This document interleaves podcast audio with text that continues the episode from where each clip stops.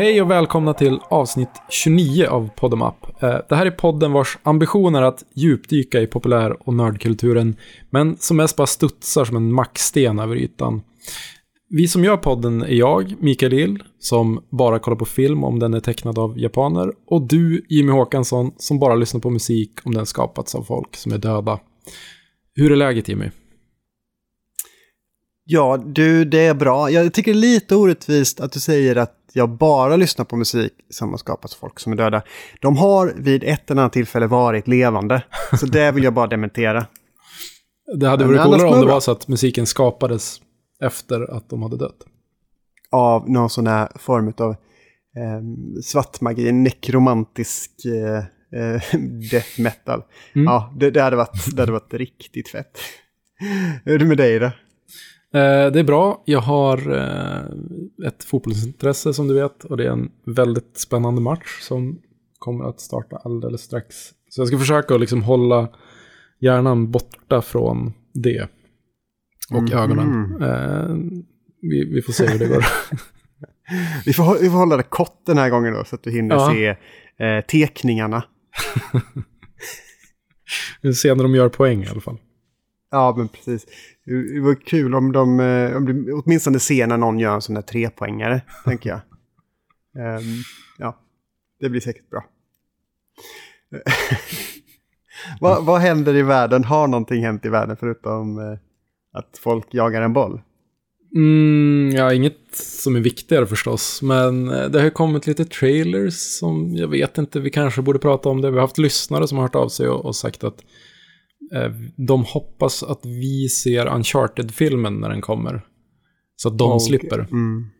Eh, och Ja. det känns väl... Har du sett trailern för Uncharted-filmen? Jag såg trailern och jag kände så här. Tom Holland är åtminstone 40 år för ung för att spela den rollen. Han ser ju ut, ha, alltså han ser ju ut som ett eh, foster. In, inget ont om Tom Holland, men han ser ju obscent ung ut och jag vet att det ska vara en ung Nathan Drake. Och ehm, Marky Mark alltså. Har han gjort någon bra film sedan eh, någonsin, undrar jag. Det känns, inte så, det känns som att varenda gång han är med i en film så är det skräp. Mm. Jo, men så är det ju. Han spelar väl sig själv, tror jag. Alltid. Ja, men förmodligen. Trailern imponerade inte på mig. Eh, vad tyckte du då? Nej, jag blev nästan paff över att det var så eh, tattigt, eller liksom att det är så dåligt bara. Jag, jag vet inte hur, eh, varför. Alltså, varför gör man en sån här film? Det, man vill tjäna pengar förstås, men, men ja, jag, jag, ser, ju- jag ser inget värde i den. Nej, ja, men det, är sam- det är egentligen samma sak som med Tomb Raider-filmen, det här med, med Uncharted, att det är ett spel. Man, man vill göra en film av ett spel inspirerat av en film. det finns ju redan Indiana Jones-filmer. Jag säger inte att man aldrig ska göra det, Indiana Jones-filmer eller liknande matinéfilmer igen.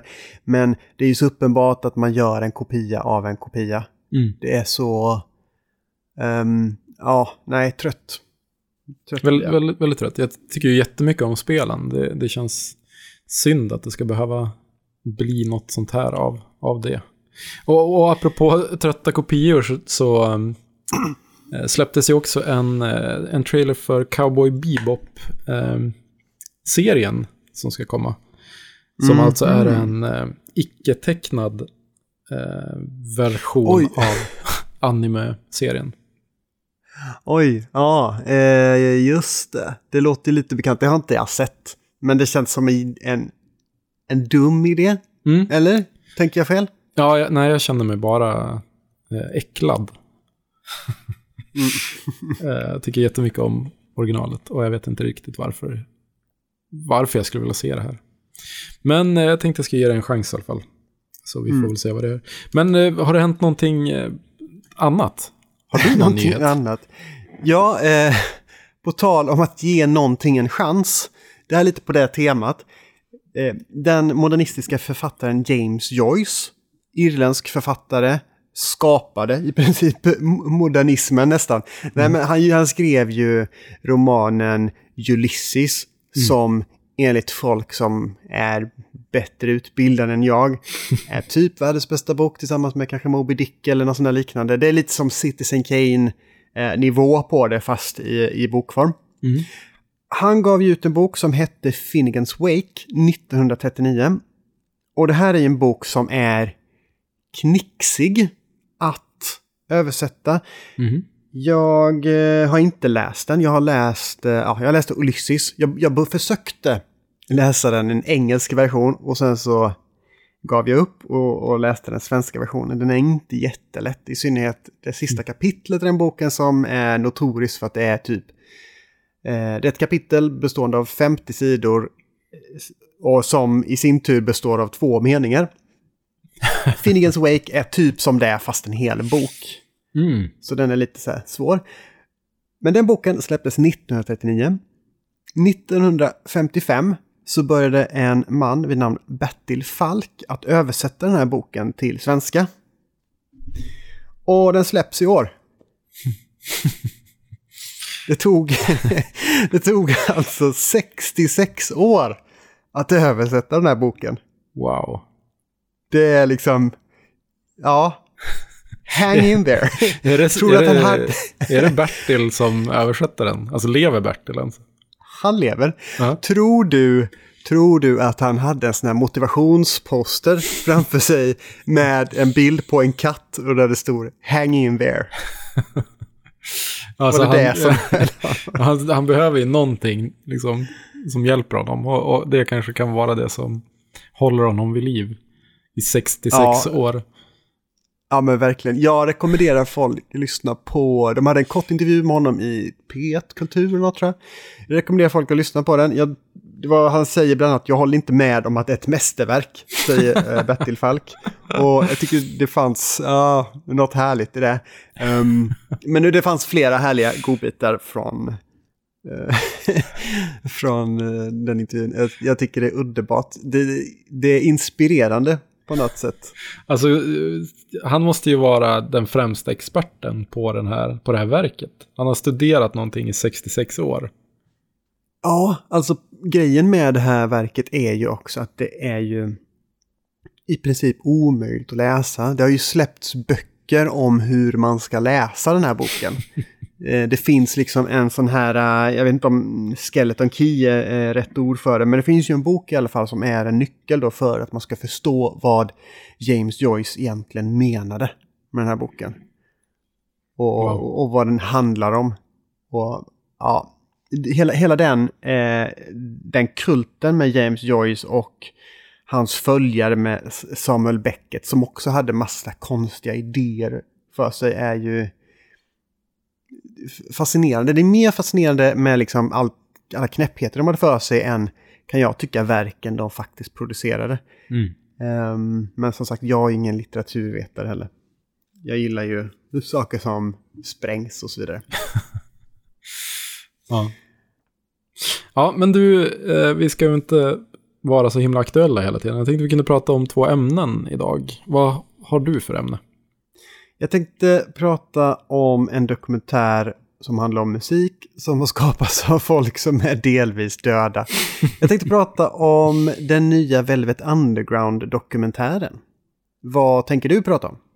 Eh, jag tänker prata om anime-arkitektur. Det är klart det ska.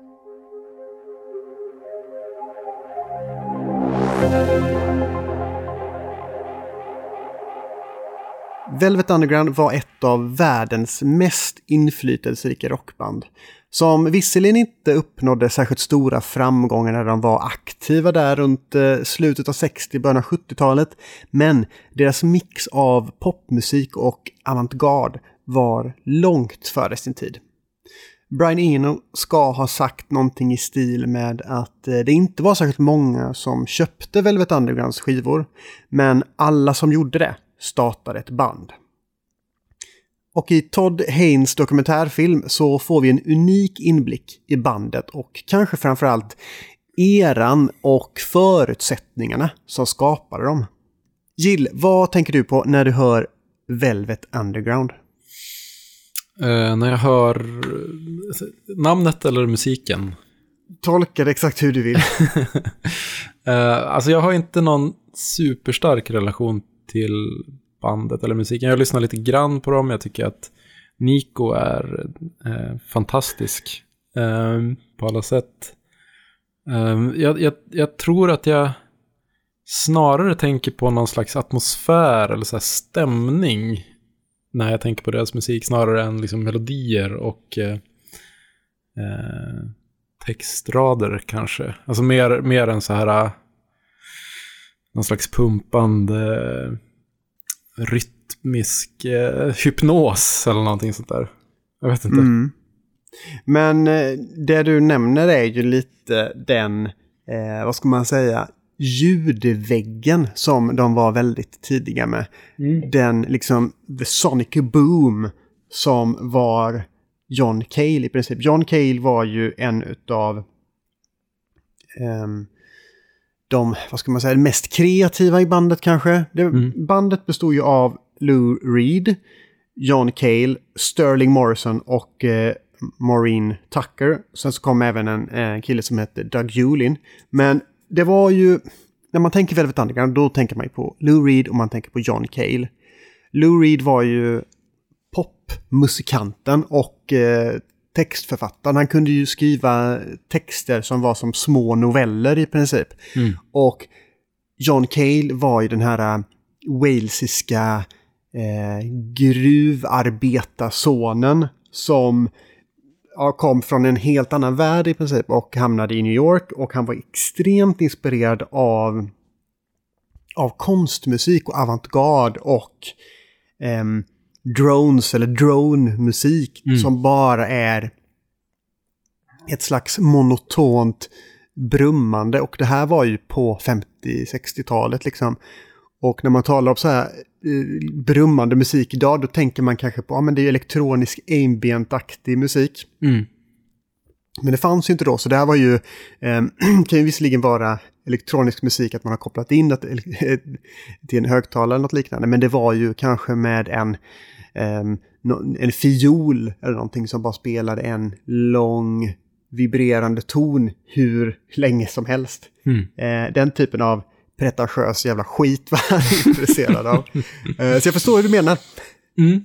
Ja, jag kan verkligen eh, tänka mig att den här drone-grejen, jag visste inte att drone var så, någonting som har funnits så länge. Men jag, jag ser kopplingen till den typen. Eh, en annan sak som jag tänker på förstås är ju eh, Andy Warhol, men jag vet inte riktigt varför. Var de bara hangarounds eller vad, vad var kopplingen mellan, mellan dem? Det fanns en ganska intim koppling mellan dem. Andy Warhol såg ju dem ganska tidigt och bestämde sig för att ta dem under sina vingar. I princip. En del i hans... Eh, det, det, som funkar, eller vad ska man säga, han såg att de absolut behövde ett rockband i sitt konstnärskollektiv som de, liksom, det här, det här är en del av min konst. Velvet mm. Underground är Andy Warhols Velvet Underground så att säga. Mm. Och det bidrog ju ganska mycket till att de överhuvudtaget kunde komma fram lite grann. För Andy Warhol var ju en väldigt stor och populär karaktär inom, inom konst. Mm. Och Velvet Underground, de var ju väldigt um, annorlunda, eller de spelade ju... De var ju ganska kompromisslösa i mm. sin musik. Och hade de inte haft Andy Warhol så hade de ju förmodligen aldrig fått den plattformen som de ändå fick. Sen så blev de ju aldrig särskilt framgångsrika under sina aktiva år. Men eh, ja, jag, jag tror det var ganska viktigt. Och det, det var ju Andy Warhol som även då såg till att Nico kom in i bilden. Mm. Men det var ju framförallt, eh, vad jag minns så är det väl bara första albumet som hon var med på. För jag tror inte att hon är med på de efterkommande White Light, White Heat och de där. Alltså det är en ganska intressant. Hur skulle du beskriva Nico förresten? Uh, alltså uh, musikaliskt någonting som, som gör att man hajar till så här. En, en väldigt speciell röst. Eh, du, som... du, är ju väldigt diplomatisk. jag hör hur du väljer dina ord. Nej men eh, alltså, för att jag har, det är lite som med avokado typ. Att första mm. gången så tyckte jag inte om det och sen nu älskar jag det. Ja, alltså, jo, men, ja men så är det ju. Förlåt. Nej, nej men det var, det var allt jag hade. Jo, men det är ju en acquired taste. Mm. Det är det ju. När man, första gången man hör det så låter det ju lite som... ehm, jag vet inte, att Arnold Schwarzenegger skulle eh, tonsätta någon väldigt eh, spröd dikt. Det är verkligen All tomorrow's parties. Han är ju väldigt så entonig och ganska mörk. Och um, robotliknande eh, tysk stämma. men men den, det finns ju verkligen någonting spännande Mm. eh, i hennes eh, röst. Och precis som du säger, det är ju en acquired taste. Och um, ibland så, de låtarna som hon sjöng på, eh, liksom I'll be your mirror, All tomorrow's parties och så vidare, de hade ju inte funkat. De hade ju inte liksom blivit lika intressanta om det hade varit någon mer klassiskt skönsjungande som Nej. hade sjungit den. Ja, men eh, berätta lite grann om eh, dokumentären då. Ja, det som jag tycker väldigt mycket om med den här dokumentären är att den känns väldigt otraditionell. Oftast när man ser musikdokumentärer så de brukar alltid vara uppbyggda på samma sätt. Det är ju oftast en historia som man antagligen redan har hört om. Om man gillar bandet så har man redan hört den här historien. Mm. Ehm, mycket av det som framkom i Velvet Underground-dokumentären kände jag ju till sedan tidigare, men det var liksom sättet de berättar här på. Mm. Och istället för att, som i många dokumentärer, eh, ha den här behind the music-grejen att, eh, ja men ofta så är det typ Dave Grohl som klampar in och säger ja men det här bandet är så jävla bra, det har inspirerat mig så himla mycket, rock on, typ. Och så bara fortsätter det på hur man bara berättar hur, ja de var så grymma, fan vad bra de var. Mm. Eh, medan här så vill man inte liksom blicka tillbaka på dem utan man vill snarare skapa, på simulera den miljö och de omständigheterna som fanns där. Problemet är ju att det finns inte så himla mycket material med just Velvet Underground. Mhm. Jag har läst någonstans att Todd Haynes och hans pro, liksom produktionsteam har gått igenom hur mycket film som helst. Så det finns ju mycket material, men kanske inte nödvändigtvis jättemycket som hade funkat till en traditionell dokumentär. Mhm. Och det som är så coolt med den här är att de blandar lite olika klipp, ofta filmklipp som Andy Warhol själv har filmat. För han har ju filmat jättemycket egna filmer. Mm. Och jag vet inte riktigt om du har någon koll på de filmerna som han gjorde. Nej, eh, inte, inte särskilt. Det är ju, jag vet inte om man behöver det egentligen, men eh, jag kan ta sådana, några exempel. Den ena, eh, vad heter det, en film heter Sleep. Och där filmar han en ja, manlig modell, jag kommer inte ihåg vad han heter, jag tror det var någon italiensk modell. Så han ligger och sover i cirka sex timmar. Det är den filmen. Mm. Och en annan film är Empire. Och där filmar han, jag tror att det är toppen eller spetsen av Empire State Building. I väldigt lång tid. Och eh, jag vet inte, det är möjligt att han zoomar in någon gång så här, typ efter en halvtimme kanske han zoomar in lite. Jag minns inte riktigt. Det är någon fågel som flyger bi. Eh, Den pågår i några timmar. Men den filmen som kanske är hans mest kända. Eh, och så kanske framförallt för att det finns någonting att se här mer än att det är någon som ligger och sover i, i, i sex timmar. Det var ju, han gjorde ju konstfilmer då givetvis och Mm. det fanns ju ett värde i att ifrågasätta vad är en film och så vidare. Mm. Men jag tänker på Chelsea Girls och då filmade han personerna som befann sig i hans kollektiv. Han filmade ju nästan allting hela tiden så hans, eh, det liksom konstnärskollektivet han hade var ju lite som en eh, proto, eh, vad heter det? Big Brother, sånt, liksom en slags dokusåpa långt före dokusåpor i princip. Mm. Han filmade jättemycket. Eh, han satte ihop en eh, film på, jag tror det är ungefär tre timmar, Chelsea Girls. Och då har han eh, två stycken bilder bredvid varandra. Så det är liksom två stycken scener som spelas upp samtidigt. Som kan vara lite allt möjligt. Det är två som kanske ligger i sängen och kanske någon som pratar i ett annat rum i något annat sammanhang. Mm. Att hela tiden sker i princip två saker samtidigt. Mm. Och det är lite det uttrycket som de har använt i den här dokumentärfilmen, att man kan ha lite den här arkivfotokänslan någonstans i en bildruta och i någon annan bildruta så kanske man har en svartvit eh, liksom film på Lou Reed eller någonting när han tittar in i kameran eller gör, suger på en klubba eller vad det nu skulle kunna vara. Mm. Samtidigt som man hör en eh, berättarröst som berättar eh, om, om, den tiden. Och det är också en annan grej utöver liksom de här estetiska valen som är väldigt inspirerad av Andy Warhols filmteknik. De som är med och uttalar sig är inte personer som heter Dave Grohl. Men det är inte personer som inte har någonting med det här att göra men som blir väldigt inspirerade och kan säga fan vad bra det här var. De bygger liksom inte på myten på det sättet utan mm.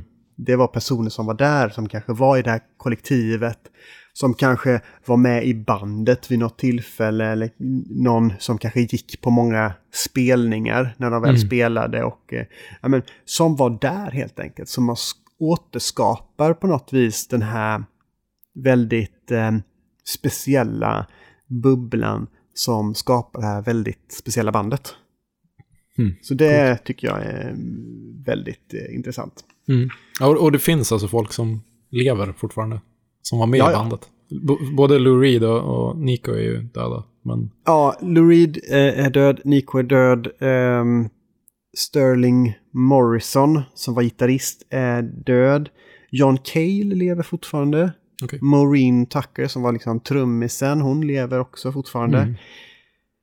Jag tror att Dog Jule fortfarande lever. Han var väl lite som deras Ringo Starr kanske i, i bandet.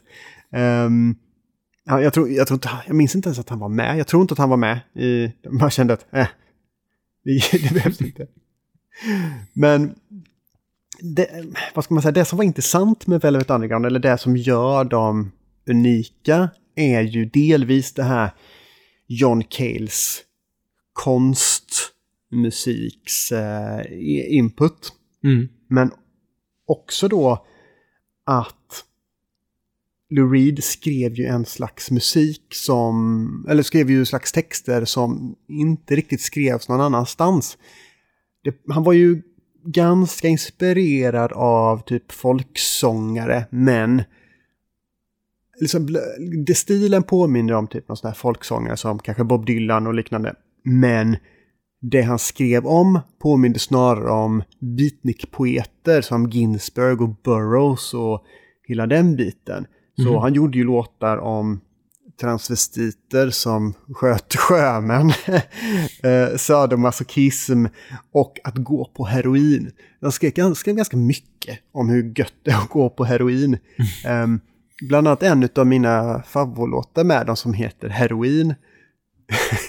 jag gillar heroin väldigt mycket. Subtil. Um, ja, ja, men det var ju det som var så kul att när eh, Beatles gjorde låtar som Lucy in the Sky with Diamonds som handlar om, ja, de flesta vet. Och Stones gjorde låtar som heter Brown Sugar som handlar om ja, andra saker.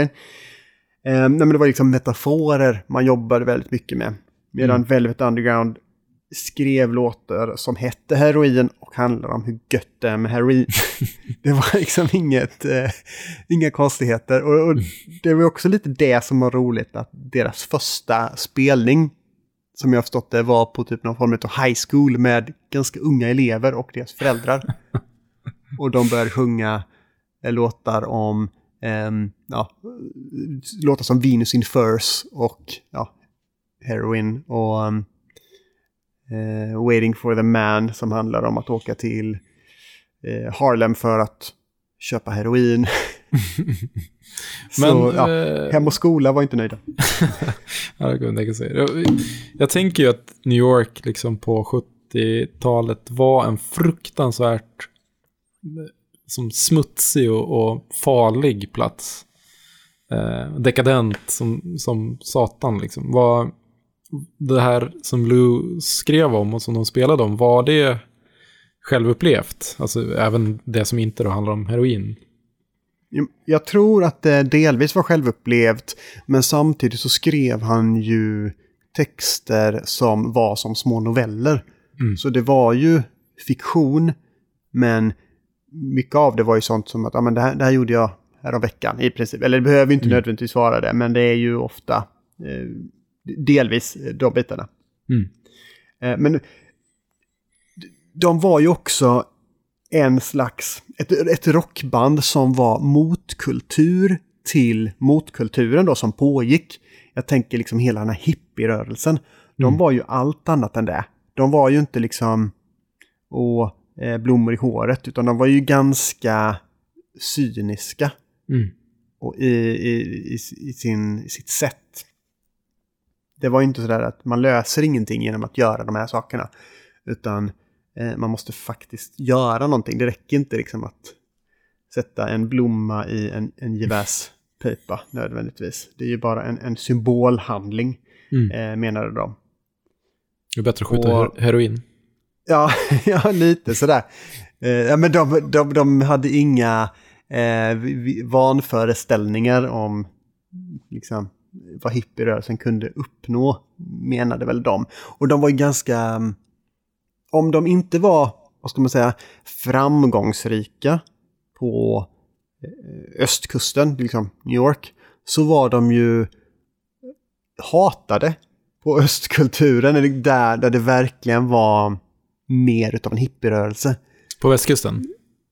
Eh, ja, på västkusten. Ja, Ja, precis. just det. Så, ja.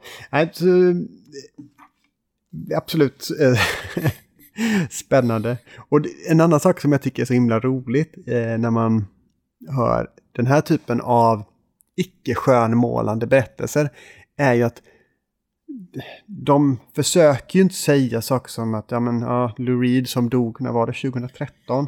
Att han, var, eh, att han var ett helgon eller liknande. Utan alla säger att ja, Lou Reed var... Eh, det finaste man kan säga om Lou Reed var att han var väldigt svår att jobba med. I princip. Och han var ju notorisk och alltså googlar man, eller går man ut på YouTube, söker på Lou Reed och interview så kommer du bara få en sån... Ja, det, det är bara ångest över han, var, han är ju så otroligt otrevlig hela tiden. Ja, det är jättekul. Så länge man inte relaterar till den som intervjuar honom så är det jättekul. Men så fort man sätter sig i intervjuarens eh, position och bara tänker så här, den här personen försöker jag prata med, Ja. eh, då blir det jätte, jättejobbigt. ja, men folk eh, inom journalistskrået var ju livrädda för Lou Reed, särskilt då efter, liksom, ja, men jag tänker mig efter han hade släppt eh, sin debut Transformer då, och då han hade verkligen nått någon form av stjärnstatus. Mm. Eh, han var liksom inte längre bara en underground-karaktär, utan nu var han en, en stjärna. Och Mm. då kunde han ju liksom en, vara ännu otrevligare. Men folk var ju ett, liksom, skrämda för att han var en sån ikon, två skrämda för att han var så jävla otrevlig. Eh, och det finns många, det finns många historier om Lou Reed och hans sätt att bemöta folk. Men en av de mest eh, oskyldiga men också en av de roligaste jag hörde var på en, eh, en podcast som hette No Dogs in Space. De hade också någon sån där eh, väldigt underground dokumentärserie. Eh, kan jag rekommendera. Mm. Och då berättar de att någon gång så skulle han gå in i en godisbutik och handla och så träffade han en skolkamrat som hette Carol som sa någonting i stil med eh, Hej Lou, eh, vad fin du är i håret. Har du klippt dig? Något i den stilen sa hon. Och han svarade med ett Fuck you Carol! Och jag vet inte, jag tycker det är eh, så hysteriskt roligt. Så jävla otrevligt också, men Are you happier as a brunette? Uh, are you happier as a schmuck? I'm no schmuck. Vad, vad, vad, vad mer kan man säga om Velvet Underground? Det var en... Det var, det var ett band som i princip har inspirerat all form av alternativ rockmusik sedan dess. Jag tänker mig, eh, ja men hela, all indiemusik från 80-talet och framåt har ju, är ju skyldiga Velvet Underground någonting. Mm. Och eh, tidigare i år så släpptes eh, det ett, eh, en, en nytt coveralbum. Jag brukar inte rekommendera coveralbum, det brukar sällan vara bra. Men det släpptes eh, ett album som hette, jag tror det hette I'll be your mirror eller liknande. Med massa artister som typ Kurt Weill, Courtney Barnett, ehm, jag tror, vad heter det, sångaren i The National, eh, Bobby Gillespie, J- jättemånga sådana här eh, alternative rock, indie rock karaktärer. Som eh, ja, alla gjorde någon form av cover på sina, sin favorit Velvet Underground-låt. Mm. Men ja, jag rekommenderar att man, jag rekommenderar varmt eh, den här Velvet Underground-dokumentären som går att se på Apple TV+. Ja, den ska jag genast kasta mig på.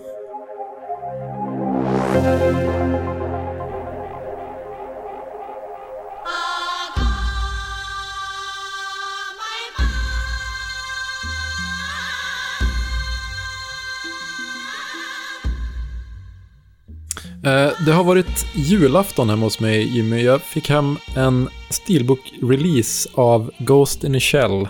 Den gamla animefilmen från 1995. Jag vet inte om man behöver dra någon slags synopsis för den, men, men det handlar ju om eh, Major Motoko Kusanagi, en cyborg-snut i specialförbandet Section 9. Eh, filmen är ju baserad på Masamune Shiros manga med samma ma- namn. Eh, och den utspelar sig i vad som kallas en post-cyberpunk-värld. Eh, I en fiktiv stad som heter Newport City. Eh, och det är just Newport City som jag skulle vilja prata om. Eller kanske inte just bara den staden, men städer i animefilmer. Eh, det är nämligen så att i den här Ghost in the Shell-utgåvan så finns det extra material. Eh, Bland annat en intervju med en man som heter Stefan Rekles. Eh, Stefan kallar sig för animehistoriker och han har satt ihop ett gäng utställningar som handlar om eh, hur man gör animefilmer egentligen. Eh, och även släppt en bok som heter Anime Architecture, Imagined Worlds and Endless Megacities.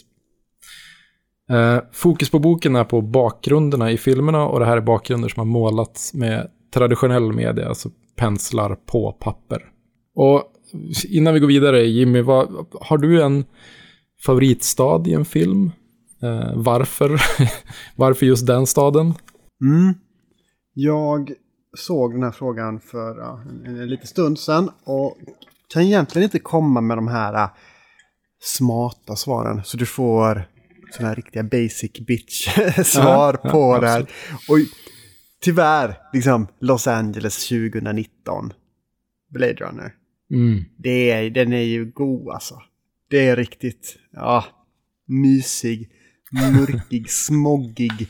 Alltså det känns som Göteborg. på jag kan relatera till det, i synnerhet eh, nu när jag bara eh, cyklar genom ösregn i ja, men, ja, resten av året och eh, halva nästa år också förmodligen. Eh, så det, det är en favoritstad. Det känns som Göteborg. Det är det sjukaste någon någonsin har sagt, sagt om Blade Runner. Ja, men, istället, istället för så här feta, coola, ehm, vad heter det? Svävande bilar så har jag bara massa jävliga jobbiga vojar och skit. Men det känns som Göteborg. Det är gött. Ja. Vad, vad, vad, vad är det liksom som, du, du nämnde saker om Göteborg och Los Angeles i, i Blade Runner som, som du tyckte var värt. Liksom, hur, hur, hur skulle du säga att staden porträtteras? På, på, på vilket sätt blir den en aktör i Blade Runner? Ja, men staden är ju så otroligt närvarande och det blir ju världen i hela, hela filmen. Mm. Och eh, det finns ju givetvis ett sånt riktigt sånt tungt mörker och det är ehm, en känsla av hopplöshet som klibbar fast på en. Eh, Så, så, så tycker jag definitivt att den porträtteras. En, en annan stad som jag måste nämna, det är också så här, varför nämner du den? För det alla andra tänker på den också. Men Metropolis av Fritz Lang, Mm. det är ju också en sån stad som är ja, men typ en av urstäderna i Mm. film. Och den är ju så otroligt läcker art deco-värld.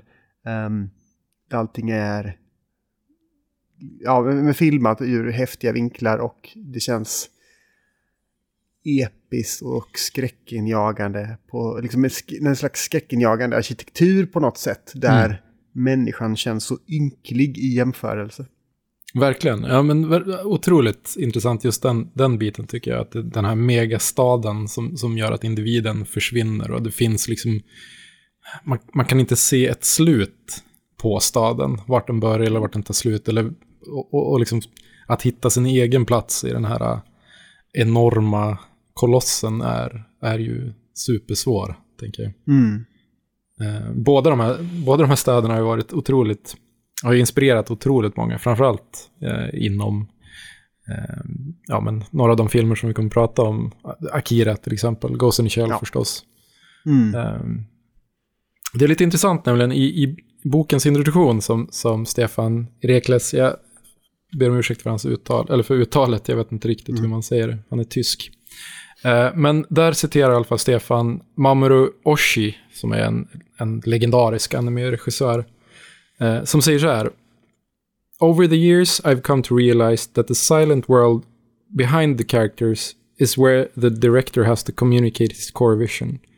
The drama is just the surface of the film. The backgrounds are the director's vision of reality. Alltså, eh, själva kärnvisionen, om man kan säga så, kommuniceras med bakgrunderna handlingen är ytan, men det är bakgrunden, bakgrunden som ger djupet. Mm. Eh, alltså ja, men det, det låter ju eh, rimligt, tänker jag. Det är ju lite så att man får... Att det är ju liksom, man bygger den här hela världen, i synnerhet i sådana filmer där man de facto bygger en hel mm. värld. Det är ju sällan man, okej, okay, vi, vi spelar in den här i Göteborg, utan det är ju Neo Tokyo liknande. Mm. Det är ju den världen som är handlingen på något sätt. Mm.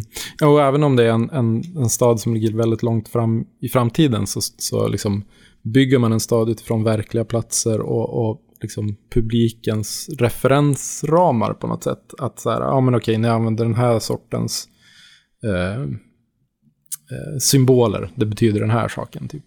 Ja men precis, ofta så är det ju lite sådär, äh, enkla grepp är ju att man har typ stora rör eller sladdar eller vad det skulle kunna vara. och att man har banderoller med tydliga hårda symboler som andas eh, nazism eller liknande. Det är någon mm. sån svastika-aktigt. Ja, men, bygga världen på, på det sättet liksom. Mm, precis.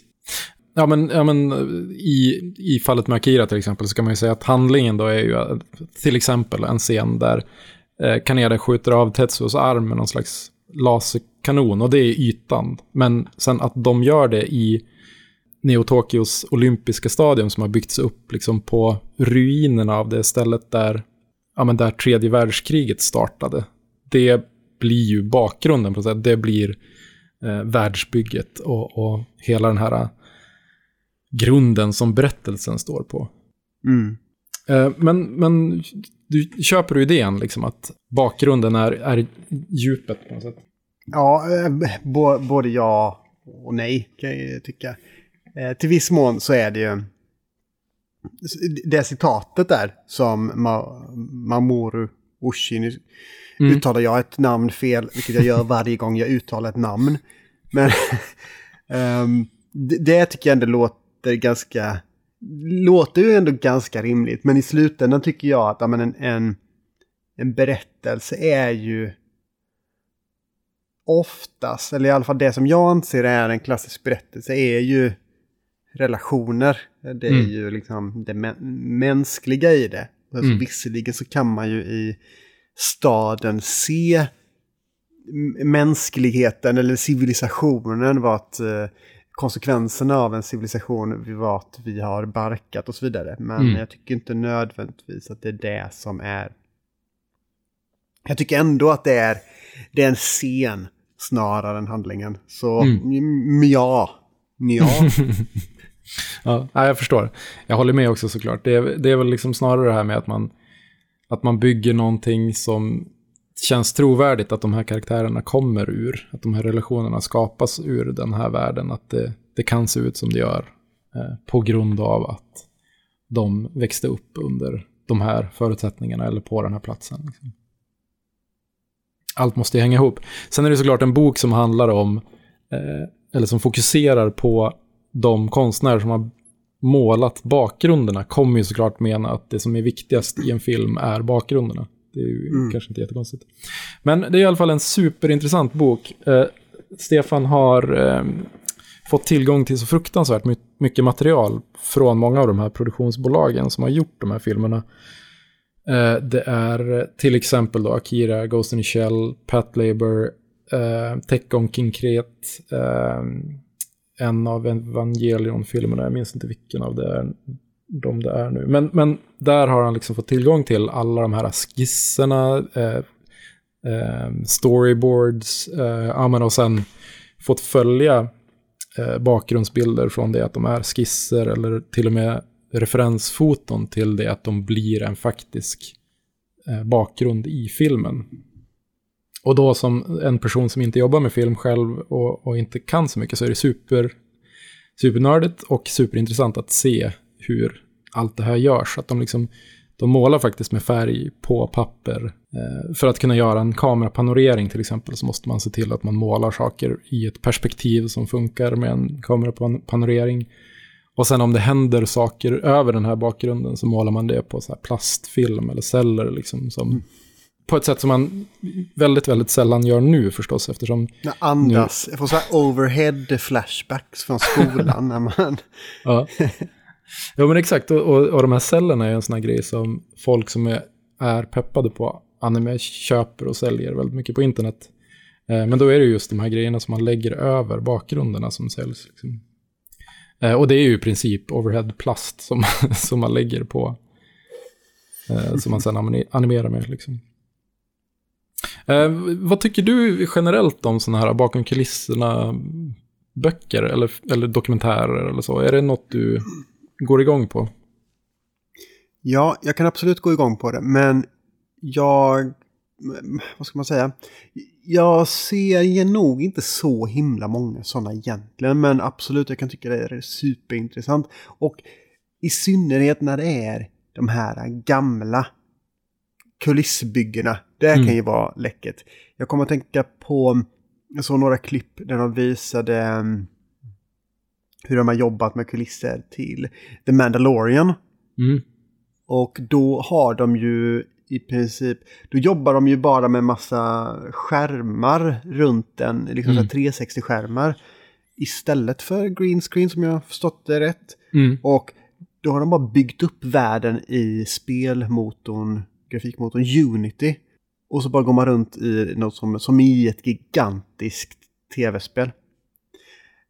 Och, och ja, jo, det är ju det är häftigt. Men det är ännu härligare när man... ehm, ja, jag får ta ett Blade Runner-exempel då. Vad, vad hette han som gjorde de här kulisserna? Det var ju, nu kommer inte ihåg. Det bör man ju kunna när man har en sån här nördpodd.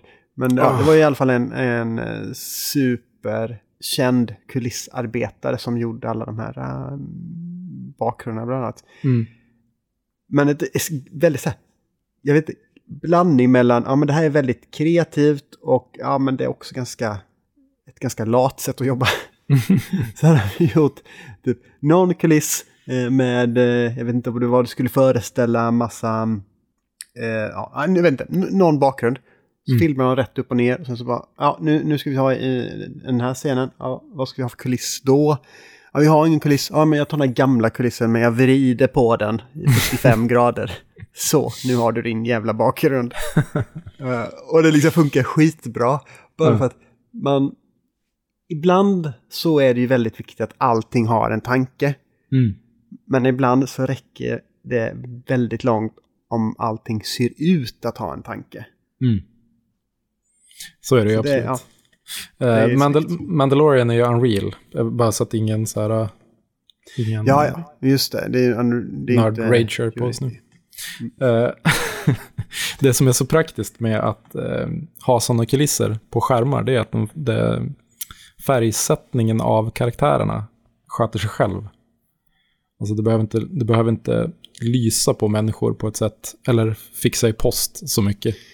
Ja, det är klart. Då, då får du... Eh, jag tänker att det är lättare att eh, agera mot ja, men en, en CGI-skapelse som kommer rusande mot den när man står i, framför en grön vägg. Och en dålig regissör säger en tjur kommer springandes mot dig, vad gör du? Ja, det- det- tråkig session av Dungeons and Dragons. Tre stycken sådana här snubbar i gröna kroppsstrumpor som, som men du ska agera mot. Det är notoriskt, notoriskt usla exempel på någon som är fullständigt oberörd eh, inför ett farligt hot är ju i eh, någon utav de här eh, Star Wars prequelarna när eh, Ewan McGregor står inför den här eh, vad heter den, General Grievous. Och han kommer rusande mot honom med fyra ljussablar som roterar som sådana helikopter eh, rotorblad. Och han bara står där och stirrar.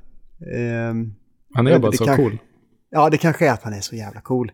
Men det kan också vara att eh, han har fått dåliga notes. Bara stå här. Regi, stå här. Det är allt. Ja, men eh, eh, jag håller med. Det finns ju, det finns, jag, jag tycker att det kan vara superkul att se hur saker är gjorda. Till exempel, det finns ju jättegamla så här bakom kulisserna dokumentärer från när Disney eh, filmar sina filmer och där de har så här byggt någon maskin där de målar på glasskivor och sen separeras glasskivorna beroende på hur eh, liksom huvudkameran rör sig för att skapa parallax-effekter eh, och så här. Supercoolt. Um, men såklart också att det, det, kan, det finns alltid en risk att det tar bort lite av magin med eh, alla de här fina grejerna som man har sett på film. När, när man får dem förklarade. Mm.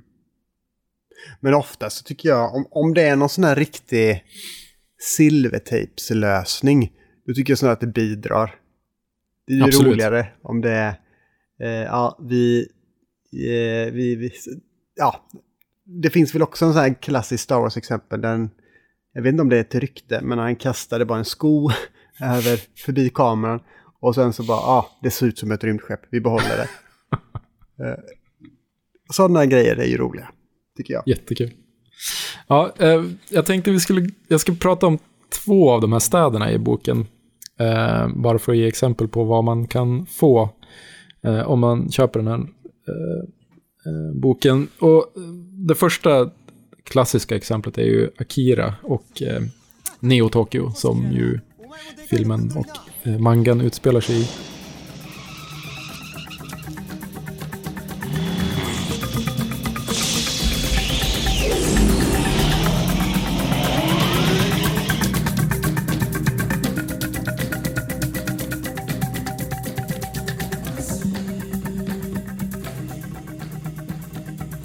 Där har ju varit ett eh, tredje världskrig som har förstört väldigt mycket av världen men också staden och sen har man återuppbyggt Tokyo, Neo-Tokyo. Eh, för att liksom, eh, ja men lite, lite på samma sätt som i, under efterkrigstiden, att man, man liksom försökte eh, blåsa liv i en, i en nation som liksom stod på, på ruinens brant, bokstavligt talat. Ehm, och den här eh, återuppbyggelsen, förstörelsen och återuppbyggelsen är ju någonting som ger väldigt, eh, en, en väldig klang i Japan och, och har varit väldigt viktig för, för landet under, under de här åren. Eh, det är någonting man kan se också i Akira eh, och i, lite av, av stilen som man har använt. Eh, det var ju Oshiro och eh, Otomo som, som gjorde mangan som som bestämde det visuella, eh, liksom bestämde hur den här skulle se ut. Eh, De blev väldigt eh, inspirerade av en arkitekt som heter Kenzo Tange som bland annat har ritat en, en byggnad som heter eh, Yoyogi National Gy- Gymnasium som ser ut som ett, ja, ett rymdskepp kanske, någonting sånt där. Eh, man, kan, man kan se lite av hans stil på något sätt på, på byggnaderna i, i filmen också. Eh, men sen finns också liksom Blade Runner, Metropolis-referenserna där. Eh, Mm. absolut. Det är ju liksom, gör man någon form av sci-fi serie, eller sci-fi skapelse så är det så här, ja men hur gör vi? Blir det Blade Runner eller Metropolis? eller, man måste hela tiden förhålla sig till det och eh, hur undviker vi att inte se ut som en kopia? Mm, verkligen. Ja, i vissa fall, jag menar, i Akira, du, du, eh, en stor del av filmen utspelar sig ju i en, en, en helt enorm byggnad där de har sina labb och där de har de här kidsen instängda. Eh, det ser nästan exakt ut som den här stora pyramidbyggnaden i Blade Runner som, som man ser i början av filmen. Mm. Men, ehm, och samtidigt så var ju Los Angeles i Blade Runner ganska inspirerat av Tokyo, tänker jag. Mm. Och Finns absolut någon slags-. Ja, absolut någon slags korspollinering mellan alla de här. Ja. Eh, om man ska kolla på Ghost in the Shell då till exempel. Eh, där den utspelar sig i en fiktiv stad som heter Newport City. Eh, som var väldigt, väldigt Hongkong-inspirerat. Och återigen så var det Oshi som var eh, som jobbade med den här och som liksom samlade ihop ett team med, med konstnärer och eh, DOPs och allt vad det nu var. Eh, och så åkte de till Hongkong för att samla referenser eh, och eh, fotade väldigt mycket. De fotar alltid i svartvitt för att inte liksom påverka de som sen ska färgsätta eh, för mycket. Eh, förutom, jag tror att det var Oshi, eller om det var någon av, av eh, konceptkonstnärerna som gick runt med en, en färgkamera och eh, när han gick, han var liksom inne i butiker och så gick han ut i ett varmt och fuktigt Hongkong så blev det jättemycket imma på linsen och så tog han väldigt mycket bilder på neonskyltar och, och gatlyktor och sånt där och fick den här liksom, halo-effekten på alla ljus. Eh, och det blev som en, en väldigt tydlig referens då, eller inspiration till filmen. Mm. Att man ville, ville behålla den där känslan. Ehm, det finns också en otroligt tydlig, precis som i Hongkong men också i, i, i Tokyo tycker jag, att, att så här, den här dualiteten mellan någonting gammalt och traditionellt och, och liksom kontrasten mot det moderna och teknologiska, kanske lite eh, avskalat eller kliniska, så här, sterila. Det finns ju väldigt mycket i Gåsen i Kjell Shell också. Samtidigt som de hade en, någon slags... Internet var ju väldigt nytt, filmen kom 95. Eh, de ville på något sätt eh, återskapa känslan av informations... eh, vägar och, och hela den här oöverblickliga informationsnätverket eh, som internet är på ett sätt förklara det på något sätt i staden också. Att, att Mm. referensen görs eh, verklig på något sätt. Filmen handlar ju också om en AI, The Puppet Master, som, som befriar sig själv och försöker att skapa sig ett, ett drägligt liv. eh, Samtidigt som människor och liknande försöker stoppa hen. Det var oerhört länge sedan jag såg den. Mm. Det, jag tycker att den är superbra fortfarande. Den är ju... eh, Den har en ganska märklig rytm. Alltså det är ju actionsekvenser som, som är väldigt, väldigt intensiva blandade med partier som är mycket lugnare och som, som liksom kan, man, kan, man spelar en, en musiksnutt eh, under några minuter och så visar man staden och människorna som lever i staden Mm. utan att det egentligen, liksom, man vet inte riktigt vad det, vad det betyder för, för handlingen, men, men det skapar ju ändå en slags, ja, det är väl det som bygger världen på något sätt. Ja, verkligen. Ja, nej, jag vet inte, eh, jag, jag vet inte, jag skulle kunna prata mer om, om städerna och, och, och boken, eh, men jag vet inte om det är någon som är vaken längre, så vi kanske bara... Men jag tänker, eh, Neo Tokyo och Newport City. Är, det, Mm. är de dina absoluta favorit-anime-städer? Ja... Ja, i alla fall eh, Neo Tokyo tycker jag är otroligt stark. Eh, jag, har ju, jag är väldigt, väldigt kär i Akira. Och, och, eh, I filmen får man ju se den återuppbyggda Neo Tokyo. I mangan får man ju också se när den återigen raseras. Och det som skapas i ruinerna av Neo Tokyo. Det, ja, det, det, det är en stark plats för mig. Mm. Och det är ju mycket atombombssymbolik med eh, raserande och skapande. Och eh, det är ju samma sätt som med Godzilla, Mm. tänker jag. Det är ju ett tema som går igen i Japan av förklarliga skäl. Mm, verkligen. Och, ja, det, det är kanske därför det blir mer, men det är kanske därför det blir mer drabbande på något sätt. När städer raseras i, i, det- liksom, en japansk miljö eller i en ja- japansk, ett japanskt narrativ. Än i kanske ja, men i västerländskt där det blir snarare som, ja, det blir lite så Avengers-nivå på det. Där det är någonting som sker, men det är helt och hållet konsekvenslöst. Mm. Medan i, i de här japanska narrativen så är det oftast någonting... eh, Man, man kan liksom känna konsekvenserna i, i, i benen och i köttet på ett annat sätt.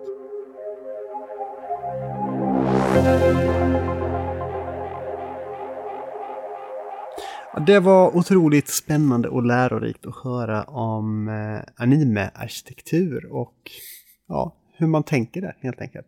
Mm. Jag undrar, Mikael Gill, vad du gillar. Eh, jag gillar en tv-serie Eh, som handlar om eh, mat. Eh, det är nämligen så att Hulu har haft premiär för The Next Thing You Eat, eh, som är en serie av och med David Chang. Och för tv-tittaren så är David Chang kanske mest känd för Netflix-serien Ugly Delicious, där han och bekanta till honom utforskar världens smaker. Eh, för matätarna är David, David, David Chang kanske mest känd som en av USAs mest kända kockar och eh, restaurangentreprenörer kanske man kan kalla honom för. Eh, the Next Thing You Eat så utforskar Chang eh, framtidens mat. Hur råvaror, processer och infrastrukturer påverkas av teknologin som utvecklas och, och klimatkatastrofen som vi befinner oss i. Eh, Jag har en snabb fråga. mm. Insekter. Är det det som man prövar? eller? Kan det vara det? Eh, ja, kanske. Jag har, jag har tyvärr bara sett två avsnitt än, så jag vet inte. Det kanske kommer insekter. Eh, men det pratas ju om impossible meat och det pratas om eh, eh, liksom drönare som levererar mat. Eh, många av de här eh, nästan animelika. Eh, teknologierna. Mm. Eh, det som, jag tycker att det är jättebra. Det, det, han är, eh, jag gillar honom. Han är ärlig och eh, eh, jag liksom, han hymlar inte med att han är en hycklare. han förstår att man kan inte fortsätta äta kött som, som vi gör. Samtidigt som man själv har väldigt svårt att sluta äta kött. Jag tycker det är så, som vegetarian sen jag var 12 år, så sitter jag bara lugnt ner i båten och tittar på samtidigt som jag äter mina bönor och eh, linser medan alla köttätarna springer runt. Herregud, vad ska vi få i oss för protein? När vi inte får äta hur mycket kött som helst. Ja. Och vi måste börja äta insekter. Och jag sitter fortfarande kvar där lugnt, äter mina bönor, äter Ja, mina linser. Ja, vi, där är vi ju lika, du och jag. Eh, och liksom det, efter två avsnitt, så det enda som jag känner egentligen är att det är så jävla kört för oss. Det, vi har liksom, vi har alla möjligheter att styra upp saker. Kanske inte allt, men väldigt, väldigt mycket. Men vi gör det inte. Bara Vi har för väl att... allting förutom orken. Eller? Ja, det, det kanske är så. För, för det är så här, om man kollar på till exempel det första avsnittet som handlar om hur mat levereras och, och vem som lagar maten och hur eh, billig maten måste vara.